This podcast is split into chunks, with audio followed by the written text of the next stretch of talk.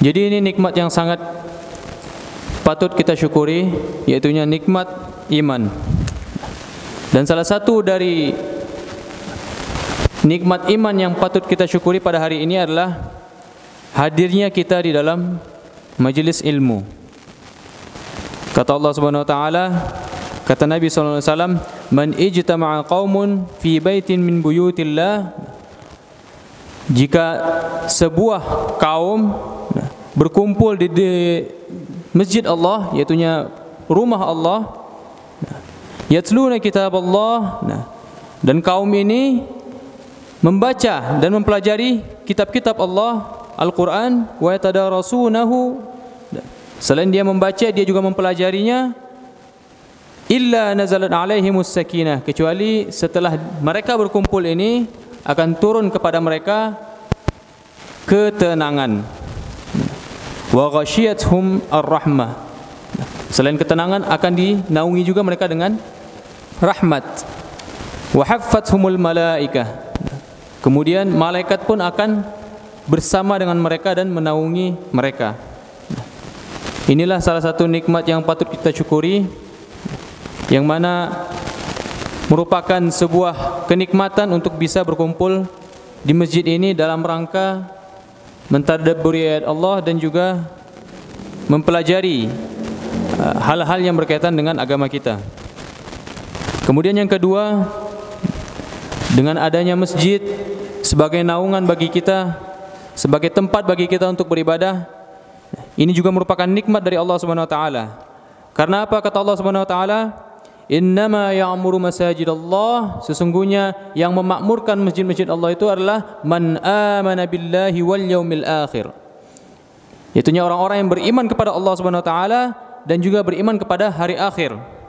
Wa aqamas salah Nah, mereka juga melaksanakan salat wa ataz zakah dan mereka melaksanakan dan menunaikan zakat walam yakhsha illallah dan mereka tidak takut kecuali hanya kepada Allah. Nah, inilah orang-orang yang memakmurkan masjid. Maka dari itu sangat penting bagi kita untuk selalu memakmurkan masjid ini. Jangan pernah kita biarkan rumah Allah ini kosong. Kenapa? Dikhawatirkan karena rumah Allah tidak dipakai, Allah pun akan memusnahkan rumahnya. Kenapa? Karena tidak dipakai. Ya, rumah Allah nggak dipakai, dibangun capek-capek udah udah bagus-bagus dan ujung-ujungnya apa? Dibiarkan aja kosong gitu. Apalagi yang kita khawatirkan sampai tidak terdengar azan dari rumah Allah. Jangan sampai karena rumah Allah tidak berbunyi azan, kondisinya nanti akan seperti daerah-daerah yang digempa dikena di, dikenakan bencana gempa. Akhirnya apa? Rumah Allah dijatuhkan karena tidak berguna. Nah, makanya kita sebagai uh, kaum muslimin terutama yang tinggal di sekitar masjid nah, sudah menjadi kewajiban bagi kita untuk memakmurkan masjid.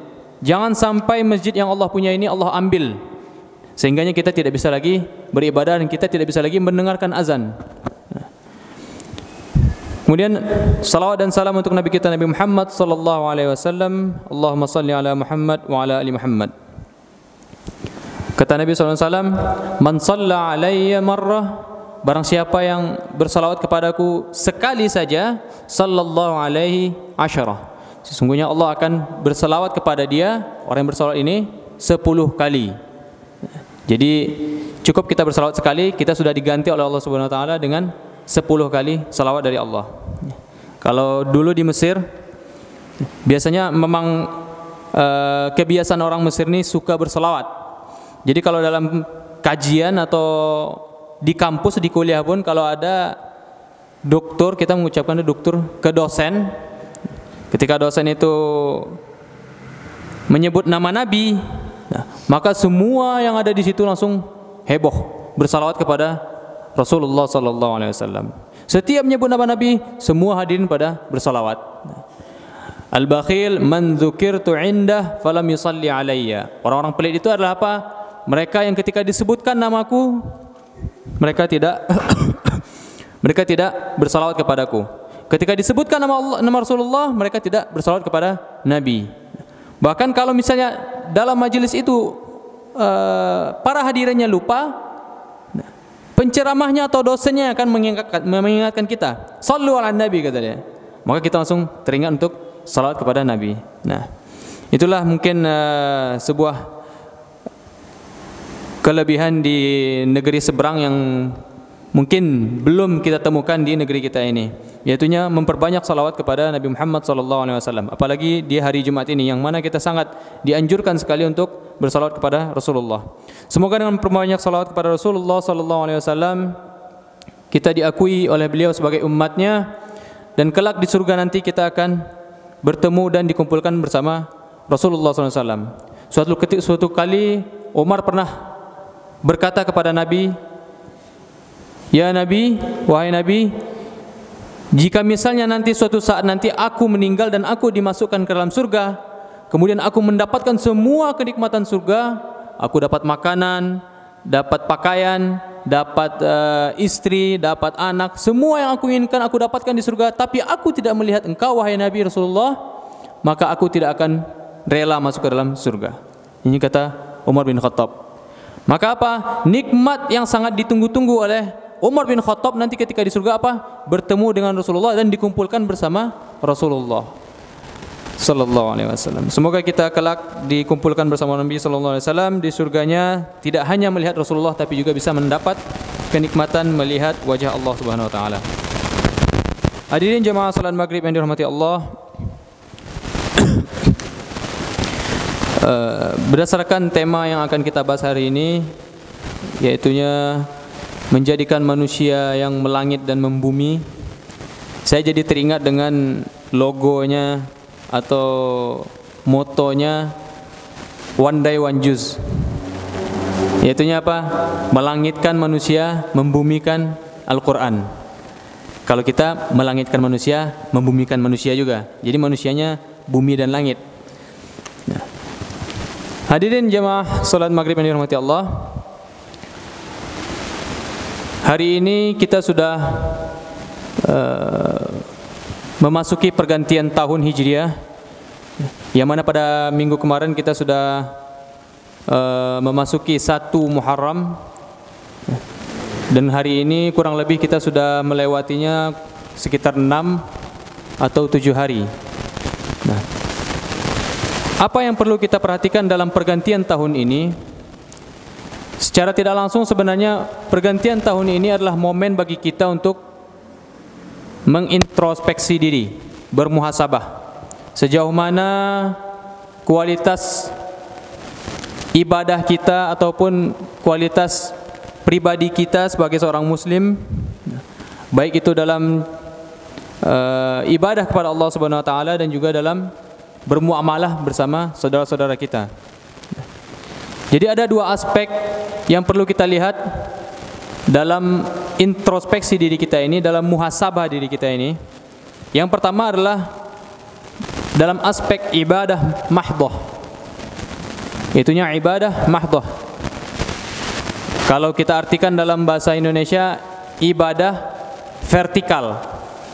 Ibadah yang langsung kepada Allah. Dan biasanya semua ibadah mahdoh ini pasti ada perintah atau sunnah dari Al-Quran dan hadis. Semuanya jelas perintahnya. Contohnya seperti wa aqamus salata wa atuz zakah. Nah, diwajibkan atas kalian untuk melaksanakan salat dan menunaikan zakat. Ini jelas perintahnya. Maka ini masuk ke dalam kategori ibadah mahdhah. Nah, hadirin jamaah rahimakumullah. Sekarang kita lihat setelah setahun kita melalui hari-hari di bulan di tahun 1440 Hijriah, sekarang kita lihat sudah sejauh mana tingkat ibadah kita kepada Allah Subhanahu wa taala. Tingkat ibadah seorang itu terbagi menjadi tiga. Yang pertama adalah kategori orang yang beribadah seperti seorang budak. Al-ibadah ar-raqiq atau al-ibadah al-abid seorang budak. Kenapa seorang budak? Karena dia beribadah atas dasar kewajiban. Budak itu kan apa disuruh sama tuannya dia akan lakukan, apa yang dilarang dia akan laksanakan. Itulah tipe budak. Jadi dia solat itu karena dalilnya apa? Inna salata kanat 'alal mu'minina kitaban mawquta. Sesungguhnya salat itu bagi seorang yang beriman adalah sebuah kewajiban dan sebuah kewajiban yang ditentukan waktunya. Makanya tipe-tipe orang yang beribadah seperti budak ini, dia cukup melaksanakan kewajiban sudah. Nah, ketika orang azan, oh baru azan, tunggu komatlah dulu. Kenapa? Karena wajibnya itu di solat, bukan solat sunnah. Nah, ketika orang sudah komat, uh, kayaknya masih sempat lah ikut imam. Sampai akhir akhirnya apa dia masbuk atau separah-parahnya orang yang beribadah seperti budak ini, dia akan mencari celah untuk apa? Mengakhirkan solat. Hanya hanya melaksanakan solat. Jadwal antara zuhur dan asar kira-kira asar masuk jam setengah empat berarti masih ada waktu jam tiga untuk melaksanakan sholat zuhur bisa bisa jadi dia melaksanakan sholat zuhur itu di waktu jam tiga. Sekedar untuk menuntaskan kewajiban. Kalau tidak dilaksanakan sholat nanti masuk neraka. Nah ini yang dalam ada dalam pikirannya. Jadi dia melaksanakan itu atas dasar kewajiban dan atas dasar takut diazab Allah. Nah. Kemudian karakteristik orang yang beribadah kedua adalah al-ibadah at-tujjar. Beribadahnya seorang uh, pedagang. Bagaimana beribadahnya seorang pedagang? Dia akan hitung-hitungan. Nah, ini banyak yang seperti ini. Dia akan beribadah jika ada keuntungan dalam ibadah tersebut. Contohnya apa? Pergi sholat ke masjid, uh, sholatlah ke masjid, hitung-hitung sekalian olahraga gitu kan, jalan, kan olahraga kaki. Apalagi mungkin yang udah tua-tua bagus buat jalan kan, atau ibu hamil, baguslah jalan ke masjid, hitung-hitung jalan, olahraga gitu. Nah, ini niatnya dibarengi dengan embel-embel Ya, jadi dia pergi ke masjid itu sekalian olahraga, bukan karena niat ingin mendapatkan ridho Allah. Nah, ada juga orang yang contohnya berinfak. Berinfak karena dia tahu dalilnya, mathalul ladzina yunfiquna amwalahum fi sabilillah, permisalan orang yang berinfak di jalan Allah itu apa? Kamathali habbatin ambatat sab'a sanabil, seperti sebuah dahan yang tumbuh tujuh cabang Fi kulli sumbulatin mi'atu habbah. Setiap cabang itu tumbuh lagi 100 cabang, 100 buah. Jadi setiap 7 itu dikali 100 jadi 700. Balasannya 700, lumayan. Ya udahlah, infak. Infak aja misalnya berapa? 1000. Oh, insyaallah nih dikali 1000 dikali 700 uh, kebaikan tadi. Jadi 700 ribu. Oh, udah sama kayak berinfak 700 ribu nih. Jadi insya Allah akan dibalas 700 ribu kebaikan. Jadi dia menghitung-hitung dalam beribadah. Nah, dalam hal sah atau tidaknya memang sah, ibadahnya sah, infaknya sah, sholatnya mungkin ke masjid juga sah. Tapi dalam hal pahala, nah, dia tidak akan mendapatkan pahala yang sempurna. Karena apa? Dia mengharapkan sesuatu hal yang berbentuk duniawi. Bahkan kalau kita, kalau kita mengharapkan surga pun, contohnya kita beribadah nih, sholat, biar apa? Masuk surga. Itu pun masih masih berhitung-hitungan kita dengan Allah dalam beribadah. Masih masuk kategori ibadah tajir. Ibadahnya seorang pedagang. Makanya sekarang kita lihat posisi kita selama setahun ini beribadah masih dalam kondisi yang pertama, yaitunya ibadah orang seorang budak atau ibadah yang kedua, seorang yang berdagang atau yang ketiga, ketika tingkatan paling tinggi yaitunya ibadah arif, orang yang mengetahui atau orang yang beribadah karena cinta gitu.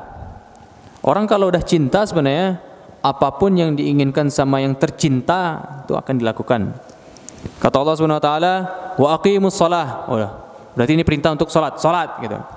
Dan dia tidak akan cukup, dia tidak akan merasa puas dengan ibadah yang dilakukan. Contohnya pergi salat Cuma sholat zuhur nggak akan mungkin dia seperti itu. Dia akan berusaha bagaimana yang tercinta ini yaitunya Allah akan ridho sama dia. Nah, maka apa? Dia akan tambah dengan sholat sunnah. Dia akan tambah setelah sholat itu dengan zikir. Dia akan berupaya bagaimana maksimal dalam beribadah. Ketika puasa, dia tidak hanya puasa di puasa Ramadan, dia akan tambah dengan puasa Syawal setelah Ramadan atau dia tambah dengan puasa Ayyamul Bid. Atau mungkin yang kategorinya sudah lebih tinggi lagi dia akan melaksanakan puasa Daud. Sehari puasa sehari enggak. Sehari puasa sehari enggak. Sehari puasa sehari enggak. Ini kategori orang yang sudah beribadah karena cinta jadi dia akan lakukan apa pun yang diperintahkan oleh Allah bukan hanya Allah apa, apa pun yang disunahkan oleh Rasulullah SAW akan dilakukan. Kenapa? Harapannya dengan ibadah ini nanti dia akan bisa bertemu dengan Allah dan Rasulullah nanti di surga. Nah, ini tipe orang yang beribadah karena cinta. Maka dia akan melaksanakan apa pun demi yang dicintainya agar ibadah dia ini maksimal dan diterima. Bukan hanya itu saja, dia pun akan dipertemukan dengan kekasihnya nanti di surga. Rasulullah SAW merupakan orang yang paling keras atau tinggi mujahadahnya dalam beribadah. nah, bahkan karena Rasulullah sangat uh, tinggi mujahadahnya dalam beribadah, para sahabat sempat bertanya kepada Aisyah radhiyallahu anha, "Wahai Aisyah, bagaimana ibadah Rasulullah SAW?" Kana yaqumu minal laili hatta tatafattara qadamah. Sesungguhnya Nabi SAW ketika solat malam beliau selalu solat sampai kaki beliau itu pecah-pecah. Coba kalau kita uh, sholat tahajud, karena sholat tahajud yang biasanya kita bisa panjangkan ayatnya. Kalau sholat berjamaah biasanya kita tergantung kepada imam. Tapi coba rasakan untuk sholat tahajud sendiri, baca misalnya aja, baca satu rakaat itu sekitar lima halaman. Ada yang pernah atau mungkin hafalannya belum nyampe, enggak apa-apa. Dari wal asr sampai anas insya Allah lebih lima halaman dia atau lima halaman pas. Nah, baca aja itu, coba. Dalam satu rakaat biasanya kaki itu mulai kalau saya ngerasanya agak tebal tapak tapak kaki ini. Jadi lain rasanya kalau kita udah berdiri lama itu dibandingkan kita berdiri sebentar. Gitu Rasulullah. Saking lamanya Rasulullah bahkan dalam sebuah hadis dikatakan pernah seorang sahabat sholat bersama Rasulullah sholat tahajud Ketika itu Rasulullah membaca surat Al-Baqarah di rakaat pertama. Para sahabat sahabat ini ketika sholat bersama Rasulullah menganggap setelah Al-Baqarah kayaknya ruku nih. Rupanya masih rakaat pertama Rasulullah setelah Al-Baqarah lanjut ke Ali Imran. Al-Baqarah aja tuh udah dua setengah juz. Tambah Ali Imran kurang lebih satu juz setengah. Itu udah berarti udah berapa juz tuh? Empat juz. Ternyata nggak sampai di situ aja, lanjut ke An-Nisa. Nah, setelah itu baru Rasulullah ruku. Nah, begitulah bacaan Rasulullah. Gimana nggak lain rasa kakinya tuh. Kita aja yang cuma setengah jus, saya pernah nyoba dulu setengah jus, itu tapak kaki itu udah lain rasanya, kayak ada pakai sendal kita. Tapi kaki sebenarnya kosong itu. Apalagi Rasulullah yang baca berjus-jus seperti itu ketika sholat malam. Nah, begitulah ibadah Rasulullah SAW nah, sebagai seseorang yang mencintai Robnya. Jadi Rasulullah berusaha bagaimana ibadah beliau ini maksimal dan diterima oleh Allah Subhanahu Wa Taala. Padahal apa kata Aisyah radhiyallahu anha? Sementara beliau beribadah seperti itu, beliau sebenarnya Rasulullah SAW sudah diampuni ma taqaddama min dzambihi wa ma ta'akhkhar. Sesungguhnya Rasulullah engkau berbuat seperti ini ataupun tidak, Rasulullah itu salat tahajud ataupun tidak, sebenarnya Rasulullah itu sudah diampuni semua dosa-dosa yang berla yang telah berlalu sampai yang akan datang. Jadi sebenarnya kalau Rasulullah tidak sholat seperti itu pun nggak masalah sebenarnya, karena Rasulullah sudah diampuni dosanya kan. Nah. Kemudian apa kata Rasulullah? Afala uhibbu an akuna abdan syakura. Nah. Apakah tidak boleh aku menjadi hamba yang bersyukur kepada Allah? Jadi Rasulullah ini melaksanakan ibadah hanya semata-mata dalam rangka kesyukuran kepada Allah Subhanahu wa taala atas apa dan semua nikmat yang Allah berikan kepada Rasulullah. Nah, kemudian setelah kita mengetahui batasan kita atau level mana kita tadi beribadah selama setahun ini, maka sekarang kita evaluasi ibadah kita. Kira-kira dalam hal apa kita perlu menambah atau menaikkan kualitas ibadah kita. Dan yang paling utama adalah satu-satunya cara untuk kita uh, istiqomah dalam ibadah itu adalah mudawamah, yaitunya melaksanakannya terus menerus. Kata Rasulullah SAW, Ahabbul a'mal ila Allah Ta'ala adwamuha wa in qalla. Sesungguhnya sebuah amal atau perbuatan itu, amal soleh itu yang paling dicintai oleh Allah Subhanahu wa taala adalah yang dilakukan secara kontinu, terus menerus, meskipun itu kecil. Jadi Allah Subhanahu wa taala sangat menyukai amal yang dilakukan berkelanjutan. Kalau mungkin tahun kemarin kita belum punya amalan khusus, Tahun ini niatkan kita punya amalan khusus. Nggak apa-apa mungkin contohnya kita berinfak sehari seribu. Tapi kontinu setiap hari seribu, setiap hari seribu. Atau mungkin kita sudah berpenghasilan, sudah memiliki gaji, dianggarkan setiap gaji itu. Contohnya dua setengah persen kita anggarkan dari gaji kita untuk kita infakkan lillahi ta'ala. Itu menjadi rutinitas kita setiap bulan. Dan itu menjadi uh, amal yang mudawamah yang secara kontinu kita lakukan setiap terus menerus sampai akhir hayat kita atau mungkin contoh yang lain kita melaksanakan puasa Senin Kamis dan tidak berhenti terus puasa Senin Kamis jadi ini merupakan sebuah uh, ibadah atau amal yang membuat kita akan bisa selalu istiqomah dalam ketaatan karena dengan ibadah ini ruh kita itu akan selalu dicas oleh ibadah itu. Jangankan ibadah yang eh, khusus yang kecil-kecil ini, kita sholat saja lima waktu secara rutin di masjid, secara tidak langsung itu sudah mencas ruh ruhiyah kita. Dengan kita melaksanakan sholat ke masjid, kita melihat orang-orang pada sholat, keimanan kita juga akan bertambah kan melihat orang. Kita juga akan termotivasi melihat orang tersebut melaksanakan ibadah. Nah, jadi kalau kita uh, sudah dalam posisi seperti ini, maka untuk melaksanakan ibadah apa pun insya Allah akan menjadi gampang. Contohnya kita melaksanakan sehari contohnya membaca Quran seperti tadi one day one juz, satu hari satu juz kita baca. Baca aja setiap hari mungkin satu hari satu juz. Nanti pasti akan timbul niat untuk melakukan ibadah lain. Apa contohnya? Kayaknya kalau dihafal enak gitu. Baca satu kali satu juz, Ah, mulailah sudah tuh menghafal satu hari satu ayat contohnya. Dengan kita melaksanakan ibadah yang kontinu ini akan membuat kita termotivasi juga untuk melaksanakan ibadah yang lain. Kita udah terbiasa berzikir contohnya, baca Quran, tiba-tiba udah selesai satu juz, ngapain lagi ya? Sementara lidah ini pengen berzikir atau baca apa gitu. Ya udah, dilafazkan untuk zikir, mungkin istighfar atau bersalawat kepada Nabi Muhammad wasallam.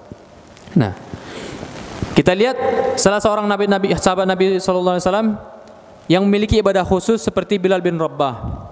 Bilal bin Rabah ini kata Rasulullah SAW, sendal beliau saja sudah terdengar di surga. Sendal itu. Apalagi orangnya gitu kan. Yang paling sepele ini, diinjak-injak, tempatnya paling bawah, itu udah berada di surga. Apalagi yang di atasnya, yang mijaknya itu. Kemudian Rasulullah tanya, apa yang membuat sendalmu sampai udah terdengar di surga gitu? Kata Bilal bin Rabah apa?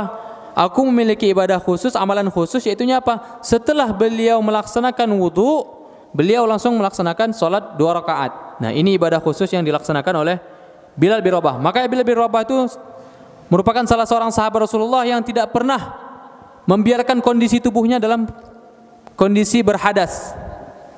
Setiap beliau maaf buang air kecil atau buang air besar atau kentut, beliau langsung berwudu, memperbaharui wudunya. Maka kondisi beliau selalu dalam kondisi suci. Kapan pun melaksanakan sholat insya Allah bisa.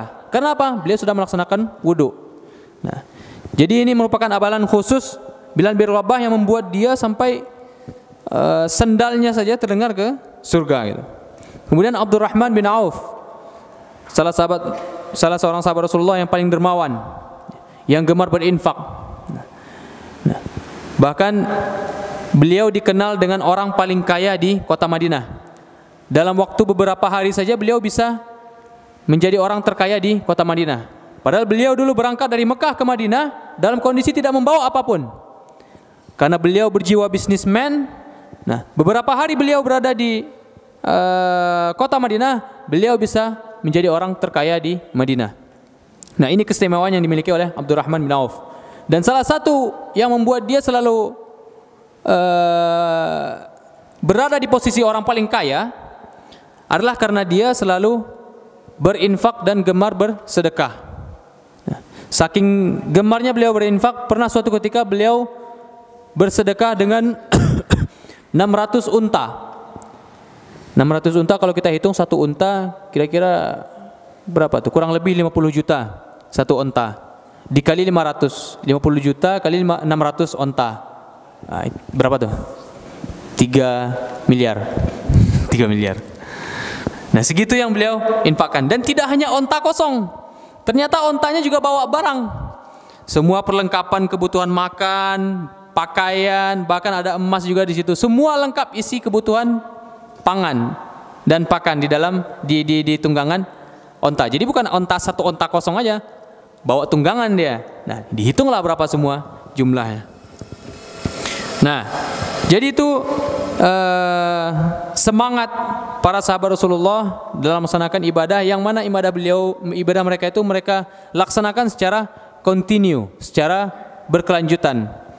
Nah, kemudian satu hal lagi yang membuat kita akan selalu termotivasi dalam beribadah adalah zikrul maut, yaitunya mengingat kematian.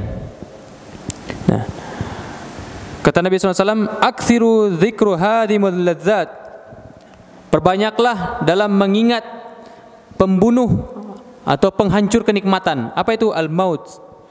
Perbanyaklah mengingat mati maka niscaya engkau akan menjadi orang yang selalu takut untuk berbuat dosa dan akan selalu termotivasi untuk melaksanakan dan melakukan ibadah-ibadah yang diperintahkan oleh Allah. Ketika orang sudah terngiang-ngiang di kepala dia untuk mati, dia nggak tahu misalnya nanti jam 8 dia akan mati. Otomatis sekarang dia akan maksimal dalam melaksanakan sholat isyanya. Oh ini sholat isya terakhir nih harus maksimal.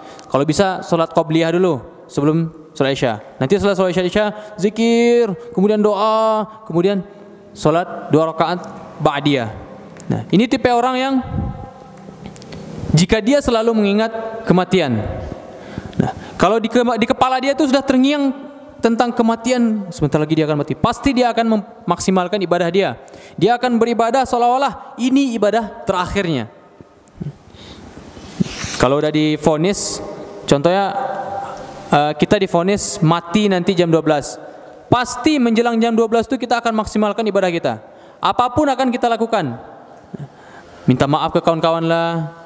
Minta maaf ke keluarga kalau ada salah. Yang punya hutang bayar hutangnya. Nah, semua akan dilakukan demi kebaikan dia sendiri. Nah, nah oleh karena itu Mengingat mati ini merupakan sebuah uh, motivasi paling kuat sebenarnya bagi kita untuk selalu berada dalam ketaatan kepada Allah Subhanahu wa taala. Karena apa? Iman itu kondisinya sebenarnya selalu naik dan turun. Kata Nabi SAW, Al-imanu yazid wa yanqus. Iman itu terkadang dia naik, terkadang dia turun. Yazid bit ta'ah wa yanqus bil ma'siyah. Dia akan naik ketika kita melaksanakan ketaatan dan dia akan turun ketika kita selalu berada dalam kemaksiatan. Maka selalulah kita mem memposisikan diri kita ini untuk terus berada dalam ketaatan. Nah, karena kalau kita tidak berada dalam ketaatan, maka iman ini akan semakin turun, turun, turun dan akhirnya jatuh ke dalam maksiat. Makanya penting bagi kita untuk selalu berada dalam ketaatan. Kenapa kata Nabi SAW, Man aradallahu bihi khairan yufaqihu fid din. Ketika seseorang sudah berada dalam ketaatan, maka Allah pun akan mengarahkan dia kepada agamanya. Allah akan memahamkan dia tentang agamanya. Nah, ketika kita sudah melaksanakan contoh hari ini, kita sudah melaksanakan sholat maghrib. Nah, kemudian ada pengumuman, ada kajian hari ini di sini di masjid Iqra. Orang yang sudah melaksanakan sholat ini pasti keimanannya sedang dalam kondisi tinggi. Nah, dari situlah Allah mengarahkan dia untuk hadir dalam sebuah majelis ilmu. Nah, setelah dia melaksanakan ibadah, Allah akan mengarahkan dia ke hal-hal yang berbau positif. Begitu juga kalau orang sering berzikir contohnya. Orang yang sering berzikir Allah selalu akan mengarahkan lidahnya untuk berkata yang baik-baik. Orang yang selalu membantu temannya atau saudaranya mungkin, maka tangannya ini akan Allah arahkan ke hal-hal yang berbaik, berbau kebaikan. Nah, maka dari situlah kita dituntut untuk memotivasi diri kita dulu, baru nanti Allah arahkan diri kita. Nah, setelah kita berusaha sendiri, baru nanti Allah akan membawa kita kepada ketaatan yang selanjutnya. Hadirin jemaah salat maghrib yang dirahmati Allah. Kemudian yang kedua adalah sesuatu yang uh, introspeksi yang perlu kita lihat adalah dalam hal muamalah. Dalam hal ini yang pertama adalah birrul walidain. Setelah kita tadi mengevaluasi ibadah kita sejauh mana ibadah kita di tahun kemarin, maka hari ini kita harus memaksimalkan kembali ibadah kita Nah, kalau bisa lebih baik daripada tahun kemarin. Nah, kita sudah lihat tadi bagaimana uh, tingkatan-tingkatan uh, ibadah orang. Nah, begitu juga kita akan memaksimalkannya di tahun ini. Kemudian dalam hal birrul walidain. Setelah kita beribadah kepada Allah, kemudian kita mengevaluasi bagaimana hubungan kita dengan kedua orang tua kita. Birrul walidain kata Nabi SAW Nabi SAW pernah ditanya oleh salah seorang sahabat, Ya Rasulullah, ayul amali ahabu ilallah ta'ala, wahai Rasulullah, ibadah apa yang paling disukai oleh Allah Subhanahu wa taala? Kata Nabi SAW, as-salatu ala waktiha. Yang pertama yang disukai oleh Allah adalah salat tepat pada waktunya. Kemudian apa kata sahabat tersebut? Summa ayu, kemudian apa lagi? Qala birrul walidain. Kata Nabi SAW adalah birrul walidain, menghormati dan mentaati kedua orang tua. Nah, mentaati kedua orang tua ini merupakan ibadah kedua setelah ibadah kepada Allah Subhanahu wa taala. Merupakan amalan yang sangat diwajibkan bagi kita selaku anak kepada orang tua kita. Jadi Allah letakkan Rasulullah letakkan posisi orang tua itu setelah Allah Subhanahu wa taala. Wa qadara rabbuka alla ta'budu illa iyyah wa bil walidayni ihsana. Wa idzil qurba wal yatama wal masakin.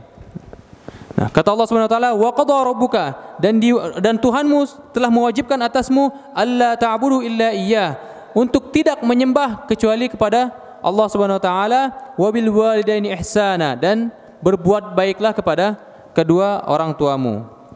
Nah, dalam hadis Rasulullah dikatakan, "Salatu da'watu yustajabu lahunna." Nah, tiga doa yang sangat mustajab dan insya Allah berpeluang tinggi untuk diterima adalah da'watul mazlum doanya orang yang terzolimi kemudian yang kedua da'watul musafir doanya orang yang sedang bermusafir kemudian da'watul walid liwalidih nah doanya seorang ayah atau ibu yang mendoakan anak-anaknya nah ini hadis yang diriwayatkan Ibnu Ibnu Wajah nah, Para sahabat, para ulama mengatakan hadis tersebut hasan, belum sampai ke derajat sahih. Tapi kita ambil ibrahnya bahwasanya dakwah atau doanya seorang ibu dan ayah sangat mustajab di hadapan Allah Subhanahu wa taala. Bisa jadi kita yang sukses sekarang ini itu 70% dari kesuksesan kita itu adalah karena doanya orang tua kita.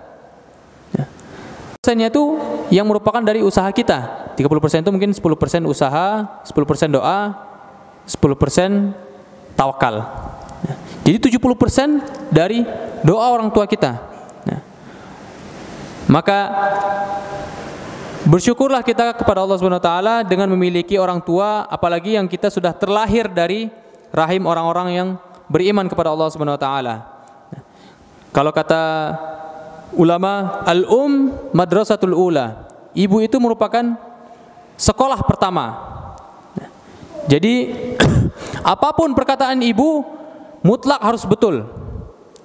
Bukan kita betulkan tapi betul kecuali ketika bertentangan dengan syariat Allah. Jadi semua perkataan orang tua kita adalah benar kecuali mensekutukan Allah. Biasanya kita yang sudah besar ini, yang sudah dewasa ini, orang tua kita masih menganggap kita kayak anak-anak. Masih disuruh-suruh contohnya. Atau mungkin saking eh, kesalnya mungkin sama kita ada yang dijentik pula. Ya nggak apa-apa. Begitulah orang tua kita menganggap kita. Dan semua perbuatan orang tua ini benar. Jangan pernah menyalahkan kelakuan orang tua kepada kita. Nah, kecuali dalam hal yang bertentangan dengan syariat Allah Subhanahu wa taala suatu kali Rasulullah SAW pernah berpesan kepada Umar bin Khattab dan Ali bin Abi Thalib, Wahai Umar, wahai Ali, suatu saat nanti ketika aku sudah meninggal akan ada seseorang yang bernama Uwais Al-Qarni. Dia memiliki tanda putih di telapak tangannya. Orang tersebut dia akan melaksanakan haji bersama ibunya ke Mekah. Kalau kalian berdua bertemu dengan orang ini, Uwais Al-Qarni ini, maka mintalah doa kepada Uwais Al-Qarni dan mintalah istighfar kepada dia. Kemudian setelah Rasulullah wafat dan berlanjut kepada Umar bin Khattab menjadi khalifah, beliau masih menunggu Uwais Al-Qarni ini. Uwais Al-Qarni ini berasal dari Yaman. Nah, setiap tahun Umar bin Khattab menunggu kedatangan Uwais Al-Qarni. Setiap ada jamaah dari Yaman, beliau selalu menunggunya dan beliau bertanya-tanya, apakah ada di jamaah ini yang bernama Usul Qarni? Nah. Hingga pada akhirnya beliau bertemu dengan sebuah jamaah yang terdapat di dalamnya Uwais Al-Qarni. Kemudian Umar bin Khattab dan Ali bin Thalib, Ali bin Abi Thalib menemui Uwais Al-Qarni ini dan bertanya, "Siapakah namamu wahai pemuda?" Nah, kemudian pemuda tersebut bertanya, bahwa menjawab, "Namaku adalah Abdullah."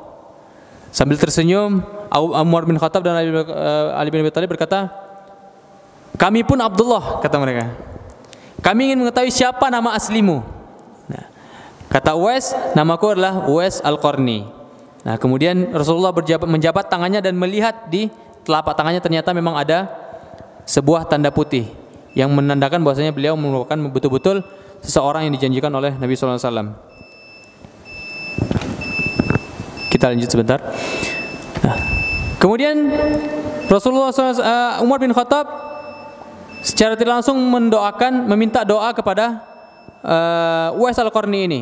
Nah, begitu juga Ali bin Abi Thalib meminta doa kepada Uwais al-Qarni dan meminta ampun, meminta beliau beristighfar untuk mereka. Nah, setelah itu beliau bercerita bertanya kepada Uwais al-Qarni ini apa gerangan yang membuat dia menjadi istimewa sampai uh, Rasulullah menyuruh Umar dan Ali untuk meminta doa kepada dia. Ternyata apa? Uwais Al-Qarni ini merupakan orang yang paling sayang dan cinta kepada ibunya. Ibunya merupakan orang yang uh, lumpuh dan tidak bisa melaksanakan perjalanan. Nah, ketika itu Uwais Al-Qarni menggendong ibunya dari Yaman sampai ke Mekah. Kurang lebih jaraknya kalau kita hitung kurang lebih sekitar 600 kilo. Jadi kira-kira berapa jam itu? Nah, segitu jarak dia menggendong ibunya menuju Mekah. Nah, ketika itu beliau berusaha pagi, siang, malam melaksanakan perjalanan di tengah padang pasir.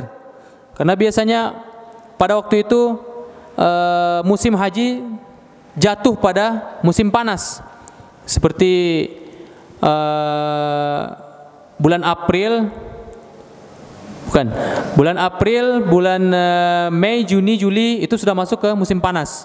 Nah di saat itu waktu itu musim hajinya. Jadi beliau melaksanakan perjalanan sejauh 600 kilo dari Yaman ke kota Mekah dan menggendong ibunya seorang diri. Jadi kalau dia punya saudara kan mungkin bisa ganti-gantian tapi dia anak tunggal sendiri Nah, dia sendiri yang menggendong ibunya. Begitulah bentuk bakti dia kepada orang tuanya. Begitulah dia menghormati dan menyanggupi keinginan ibunya. Sebenarnya ibunya pengen sekali untuk melaksanakan haji. Makanya setelah itu digendongnya karena dia tidak memiliki kendaraan. Dia termasuk orang yang miskin, yang fakir, tidak memiliki kendaraan, tidak bisa membeli kendaraan. Makanya dia menggendong ibunya dari Yaman ke kota Mekah. Baiklah jamaah salat maghrib yang dirahmati Allah karena waktu isya sudah masuk. Insyaallah kita tutup dulu sementara dengan hamdalah dan doa kafaratul majlis subhanakallah wa bihamdika asyhadu an wa atubu ilaik. Aqulu qawli hadza wa astaghfirullah li wa lakum taufiq warahmatullahi wabarakatuh.